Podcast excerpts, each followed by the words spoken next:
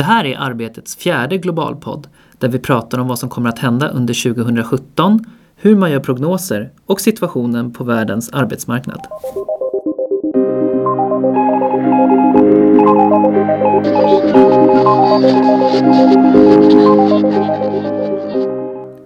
Hej och välkomna till Arbetets globalpodd, den fjärde avsnittet. Eh, och vi som sitter här eh, är Kim Nilsson eh, som är webbredaktör på Arbetet och även Erik Larsson. Hej. Hej Erik. Du är ju för övrigt redaktör och reporter på Arbetet Global. Ja, det stämmer. Det stämmer. Och du, nu när vi sitter här så är det ju inte så många timmar kvar av 2016. Eh, vad kommer du minnas av det här året, tror du?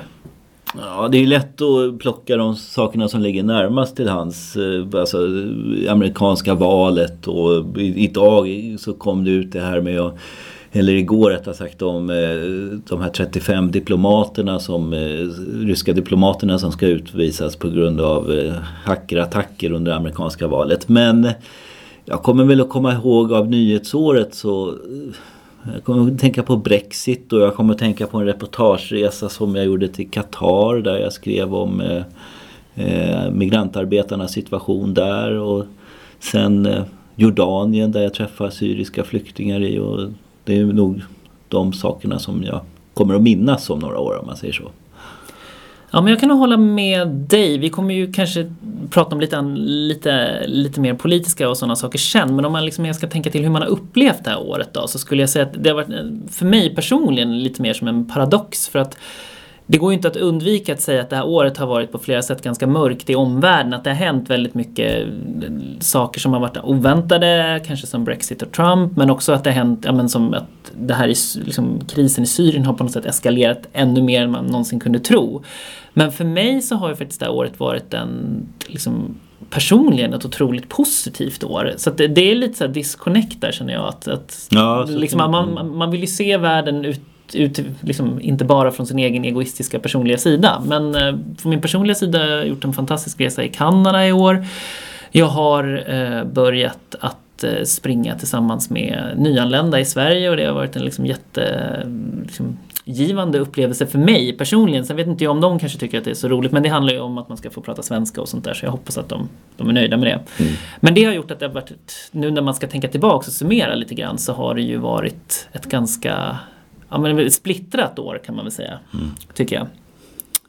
Eh, men om vi går tillbaks och tittar på det. Vi pratade, jag nämnde ju där att det har haft lite oväntade saker. Eh, ja, men som Brexit då till exempel. Och sen ändå att USA, han är ju inte insvuren än men Donald Trump blev ändå vald till eh, USAs nästa president. Alltså man kan väl lugnt säga att de som var prognosmakarna, de, de, har inte haft något bra år. Nej, det kan man väl kanske hålla med om minst sagt. Sådär, Men egentligen så är det framförallt eh, eh, det amerikanska valet som var överraskande. Brexit, alltså där, kunde man, där var det väldigt jämnt i opinionsundersökningarna. De flesta opinionsundersökningar sa ju att eh, det inte skulle bli något utträde ur unionen för Storbritannien. Men eh, sen så blev det inte så. Men det var bara någon procentenhet hit eller dit som skilde mellan de olika undersökningarna. Så det låg inom felmarginalen så att säga. Däremot Trump, det, det var ju väldigt överraskande mm. för väldigt många. Liksom så mm. Och man får en att fundera över just hela den här opinionsbranschen och prognosbranschen. Mm. Vilket är det vi ska sitta och göra här nu om jag har förstått det rätt. Ja men precis lite grann så. Men jag måste bara fråga dig. Alltså, tro, ja, det var ju som du säger väldigt jämnt i det här Brexit, alltså i opinionen och sånt där. Men jag var ändå helt säker på kvällen innan jag gick och la mig att nej men de kommer stanna kvar. De kommer inse att det finns för många fördelar att vara kvar i EU. Ja, jag, var, jag trodde också det men jag, helt säker var jag absolut inte. Nej. Och jag vet, jag har följt tidigare val i Storbritannien där det har blivit väldigt fel med just prognoserna. De mm. storbritannska, eller prognoserna i Storbritannien de, de håller inte lika hög kvalitet som de faktiskt gör i Sverige. Så, där, så att, eh. Men hur gör man en prognos då? Om de blir så här fel? Ja, jo, alltså, utifrån årets eh, prognoser så kan man ju tro att man har spått inälvor eller kaffesump. Kaffesump det är ju för övrigt ganska populärt. När spådde man inälvor? jag läste en Asterix-bok liksom som Aha. handlar om det. Nej men alltså det har man gjort sedan urminnes tider och det är ju samma sak med kaffesump. Man kokar upp någon kopp kaffe och så ska man tänka på det, på det som man vill eh, spå om och sen så ska man titta i strukturer i sumpen. Men sånt där håller vi ju inte på med på Arbetet Global. Vad gör vi då? När vi, det numret som kommer nu, det första året, första numret 2017. Då har vi tittat på liksom flera institutioner, vad de gör för typ av prognoser. Och, och det, det finns ju lite olika metoder som de använder sig av. Liksom så här. Och eh, befolkningen, det är ju till exempel en väldigt viktig del att titta på när man ska spå om arbetsmarknaden. Och där kan man använda så kallade stokastiska befolkningsprognoser. Alltså helt kortfattat så är det så här, man tittar på hur befolkningen har ökat och sen så gör man en framskrivning. Liksom så här. Eh, ja, det har fått så här många barn och det kommer ungefär att föda så här många barn näst, nästa Om man år. tittar på ungefär statistiska Ja. trovärdiga, alltså ja, saker som man brukar kunna förutse Ja, utifrån vad som har hänt tidigare. Ja precis och just med befolkning så är det, är det ganska enkelt att Mm. göra sådana eh, analyser då. Sen så kan ju migrationen ändras liksom, och det kan komma allvarliga sjukdomar och sådär. Men, men det, det är ett vanligt sätt liksom så här. Och de brukar vara rätt trovärdiga. Så här. Eh, sen så ett annat sätt när man ska göra politiska prognoser. Då är, det, då är det vanligt att man använder sig av scenarium. Eh, scenario. Man tänker sig att Ja, man tänker sig, sätter upp olika situationer som kan inträffa och så funderar man hur olika aktörer skulle agera under de här situationerna. Och, och genom att sätta upp flera scenarier då så kan man eh, ungefär spå liksom så här vad, Mm. vad som kan tänkas inträffa då. Så. Men de här scenarierna, alltså hur, det är ju ändå i grunden spekulationer men som man kanske då har byggt på saker som har hänt tidigare. Ja. Alltså hur folk har röstat i vissa länder eller ja, Ja, vilken, vilken typ av befolkningsgrupp som brukar rösta på vad och så. Mm.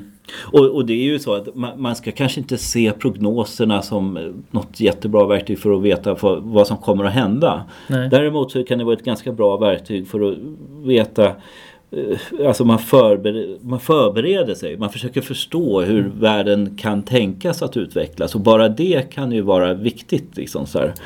Eh, och en annan sak med prognoser, det är ju inte, det är långt ifrån rocket science om man säger så. Vi, vi kan göra rätt goda gissningar utifrån det vi vet. Vi vet att det kommer bli en del val idag, eller det här kommande år, det här året 2017. Liksom, så när Frankrike, Tyskland, Nederländerna, Norge går till valurnorna och vi vet att FN får en ny generalsekreterare, Antonio Guterres.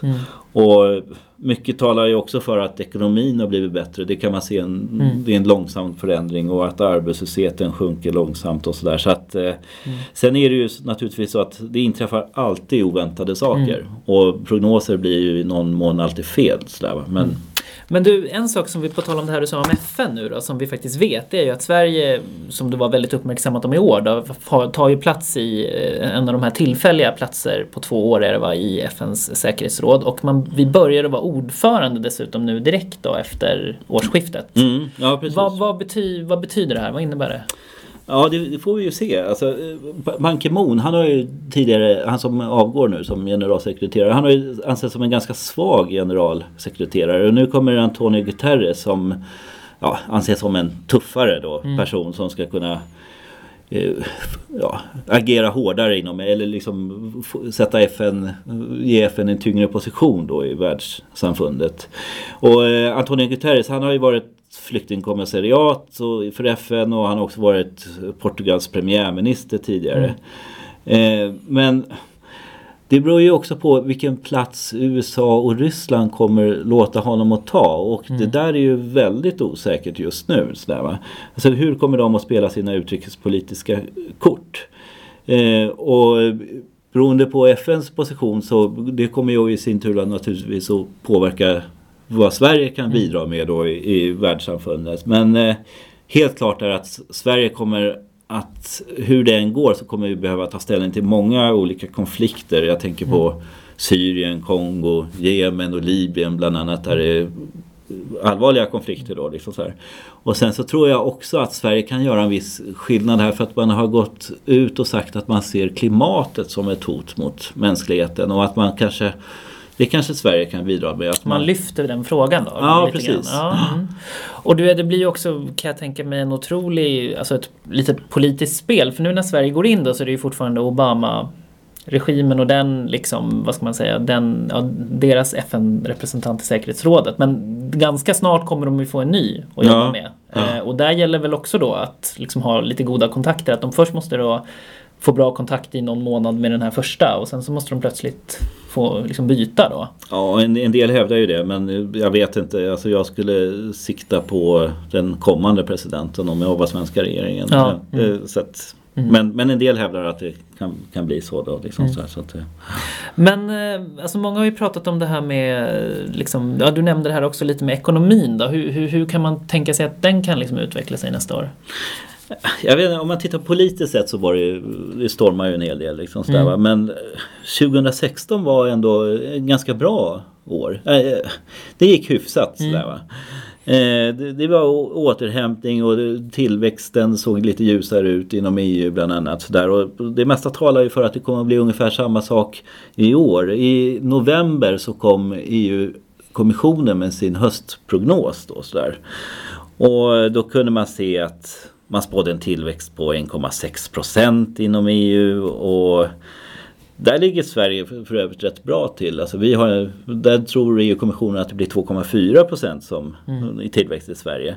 Men ekonomin det är så väldigt avhängt vad Donald Trump kommer att göra. Mm. Eh, han har sagt så här, vi ska göra enorma infrastruktursatsningar. Vi ska få upp tillväxten till 3-4 procent. Det är ju jättehögt liksom, mm. för ett eh, rikt land som USA. Och det är möjligt liksom att han kan nå upp det, till de summorna om man liksom satsar se till att satsa stora, stort kapital. Och, liksom, och, då, och då kan det ju påverka arbetsmarknaden på flera håll i, i världen.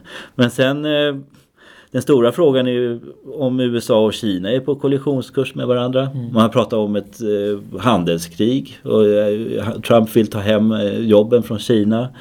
Eh, det finns redan nu eh, ett ganska tufft stålkrig. Alltså, mm.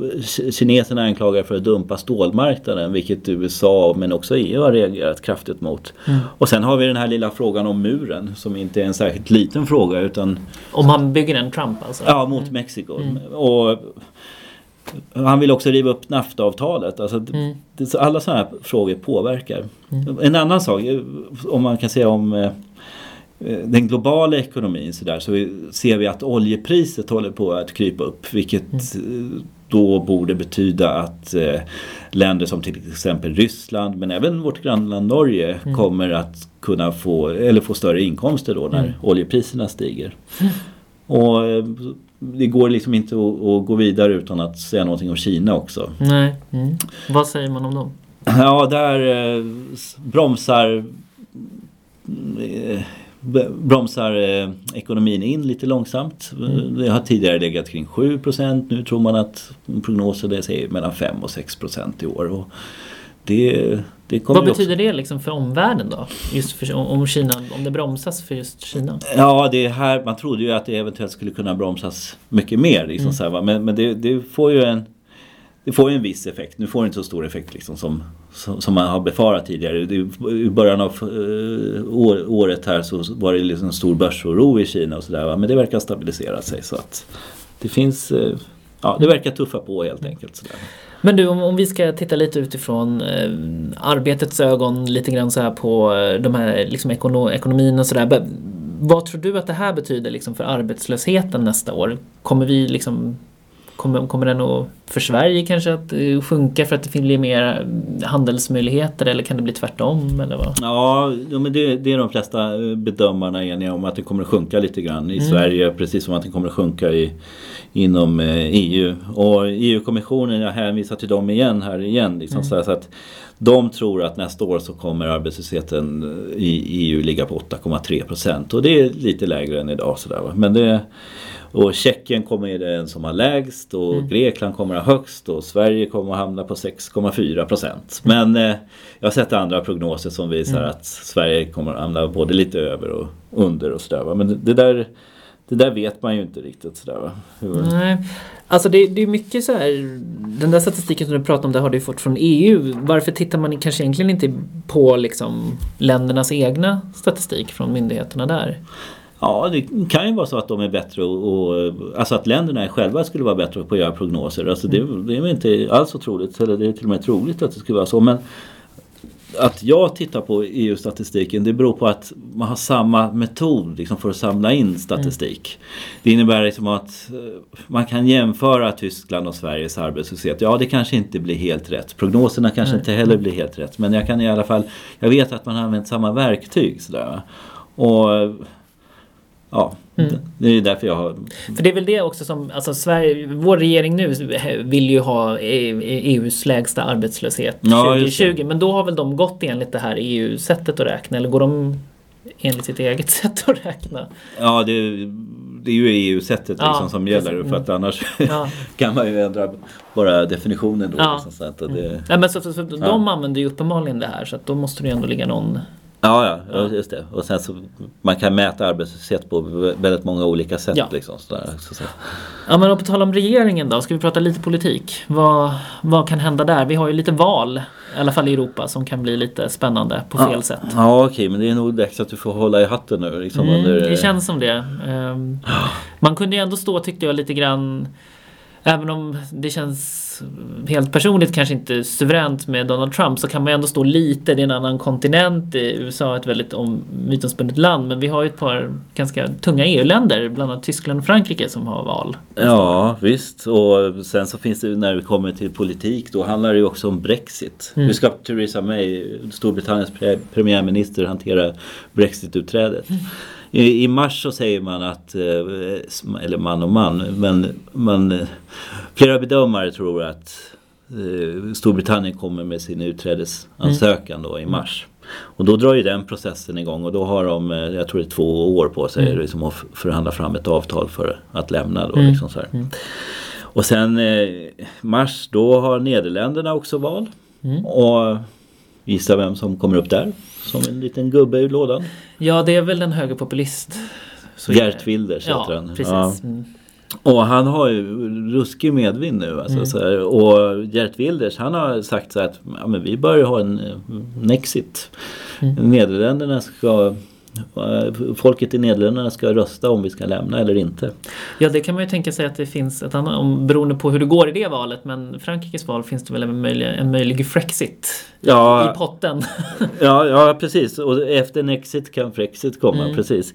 I, I Frankrike så där har man eh, presidentval den 23 april. Mm. Och Ja, det är ju väldigt oklart hur det kommer att gå också.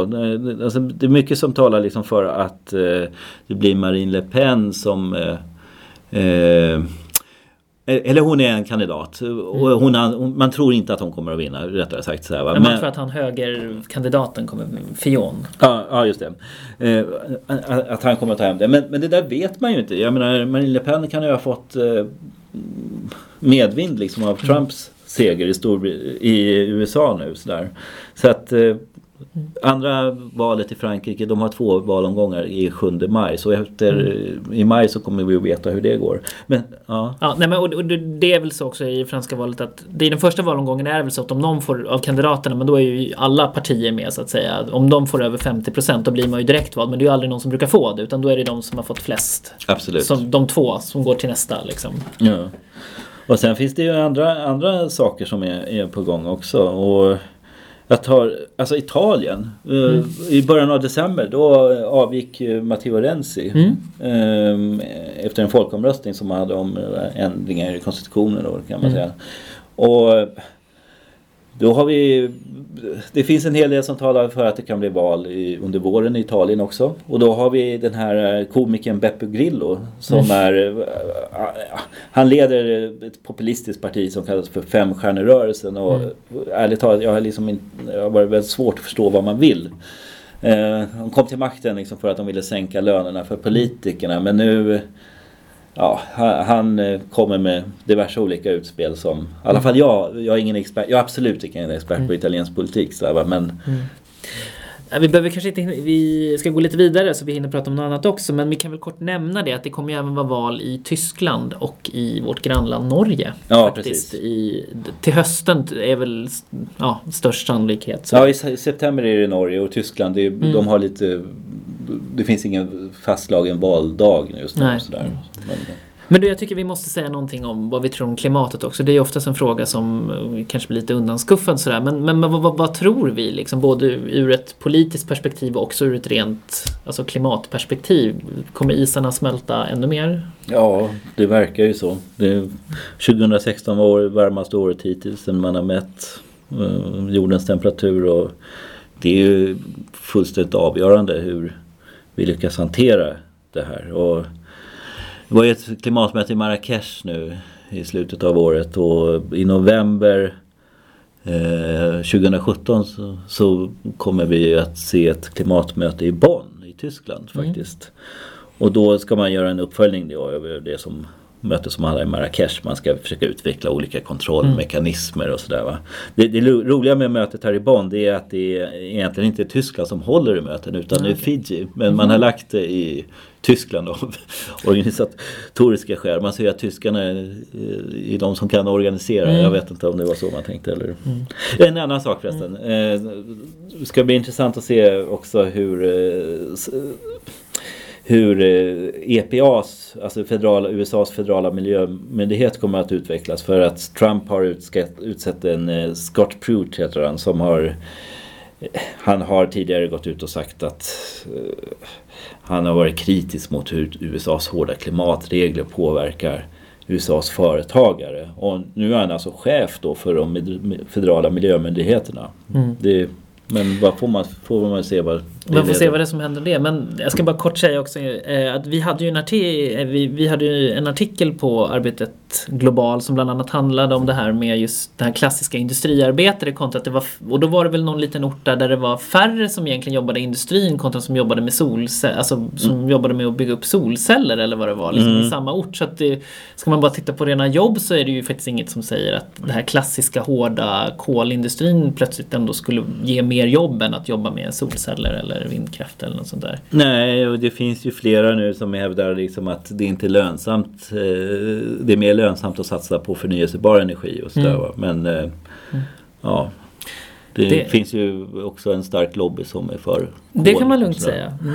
Men om du får lobba för något då, nästa år? Vad önskar du? Ja, om, om jag får, får jag önska fritt? Du får önska fritt. Ja, men då måste jag ju ändå önska att eh, vi hittar på, vi löser fusionsenergins gåta. Okej. Ehm, en kort eh, utveckling av denna önskan. Nej, men, om man, fusionsenergi det är ju samma energi som, som eh, alstras i solen. Alltså man slår ihop atomer. Liksom så här, och då frigörs energi när man slår ihop atomer. Då, liksom så här. Och eh, på några glas vatten så skulle man typ kunna driva en stad eller någonting sådär om man kunde utveckla den. Men problemet är att det blir så varmt när man gör sådana här fusionsreaktioner. Liksom så här.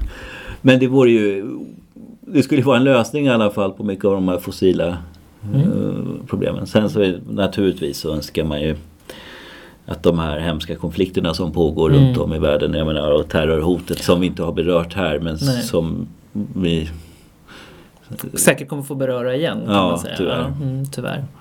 Ja, men visst är det så. Det skulle jag nog också säga att jag önskar mig själv. Ja liksom. precis, Att- vad önskar men- du dig Joakim? Ja, nej men eh, tackar som fråga. Nej men eh, jag skulle nog eh, Nej men jag skulle nog önska mig också precis som du säger men det känns Ja det är hemskt men det känns ju lite självklart att man vill att till exempel de här fruktansvärda mm, konflikten i Syrien att man kan få någon bukt på den och liksom Ja men det finns ju så många andra länder i, i världen som det pågår krig som vi kanske inte hör så mycket om men som man naturligtvis önskar att de också kan, skulle få en fredlig lösning. Men om jag får bara tänka liksom en rent opinionsmässig grej så önskar jag väl faktiskt lite grann att och då, måste jag, då, då ska jag vara ärlig och säga så här att jag personligen har väl aldrig varit så här jätteintresserad av alltså klimatfrågan som fråga. Jag har liksom absolut brytt mig om miljön och klimat men jag har inte varit så jätteintresserad av den frågan. Men jag hoppas att man skulle kunna lyfta upp den här frågan lite högre. För jag tror att det är en fråga som att det låter väl säga, ja men man ska tänka på haven och man ska tänka på naturen och sådär. Men på något sätt hänger ju allt det här ihop. Att vilken värld vill vi ha? Då först måste man ju säga, vilken värld ska vi bo i? Många konflikter kanske i världen utgår ifrån att man inte kommer överens om resurser, hur det är fördelat. Och kan man på något sätt börja ha en dialog om hur ska vi ha vår värld? Vilka ska ha vad? Då kanske också vissa... Ja, det skulle bli ringa på vattnet Mm. bokstavligen då. Lite bättre miljö helt enkelt. Ja, jag hoppas det. Ja. men Bättre miljö mer- överlag. i- Ja, och att vi tar tag i problemen. Absolut, att någonstans måste vi börja och jag hoppas verkligen att, att det finns en opinion för det här. Det vet man ju inte. Men, Men vad tror du? Har du en positiv eller negativ känsla inför år? Alltså jag skulle ju, alltså jag, alltså jag vågar ju knappt säga det här för nu har man väl så, så, så att säga jinxat hela året. Men, men det är ju, omvärldsmässigt har jag ju svårt att se hur nästa år skulle kunna bli mycket, mycket värre. Men man ska aldrig säga aldrig. Eh, Men, eh, men jag säger så här att jag, jag verkligen hoppas och jag vågar tro lite grann att 2017 kommer ändå att bli ett, ett år för uppvaknanden. Säger jag. Okej. Mm. Okej. Eh, Så då får vi se när vi vaknar upp om två dagar. Om det, om det blir så eller inte. Ja. Mm. Men eh, vi eh, tackar i alla fall för oss för i år och sen så hörs vi väl nästa år. Inte allt, om inte allt för lång tid. Absolut. Mm. Tack! Tack.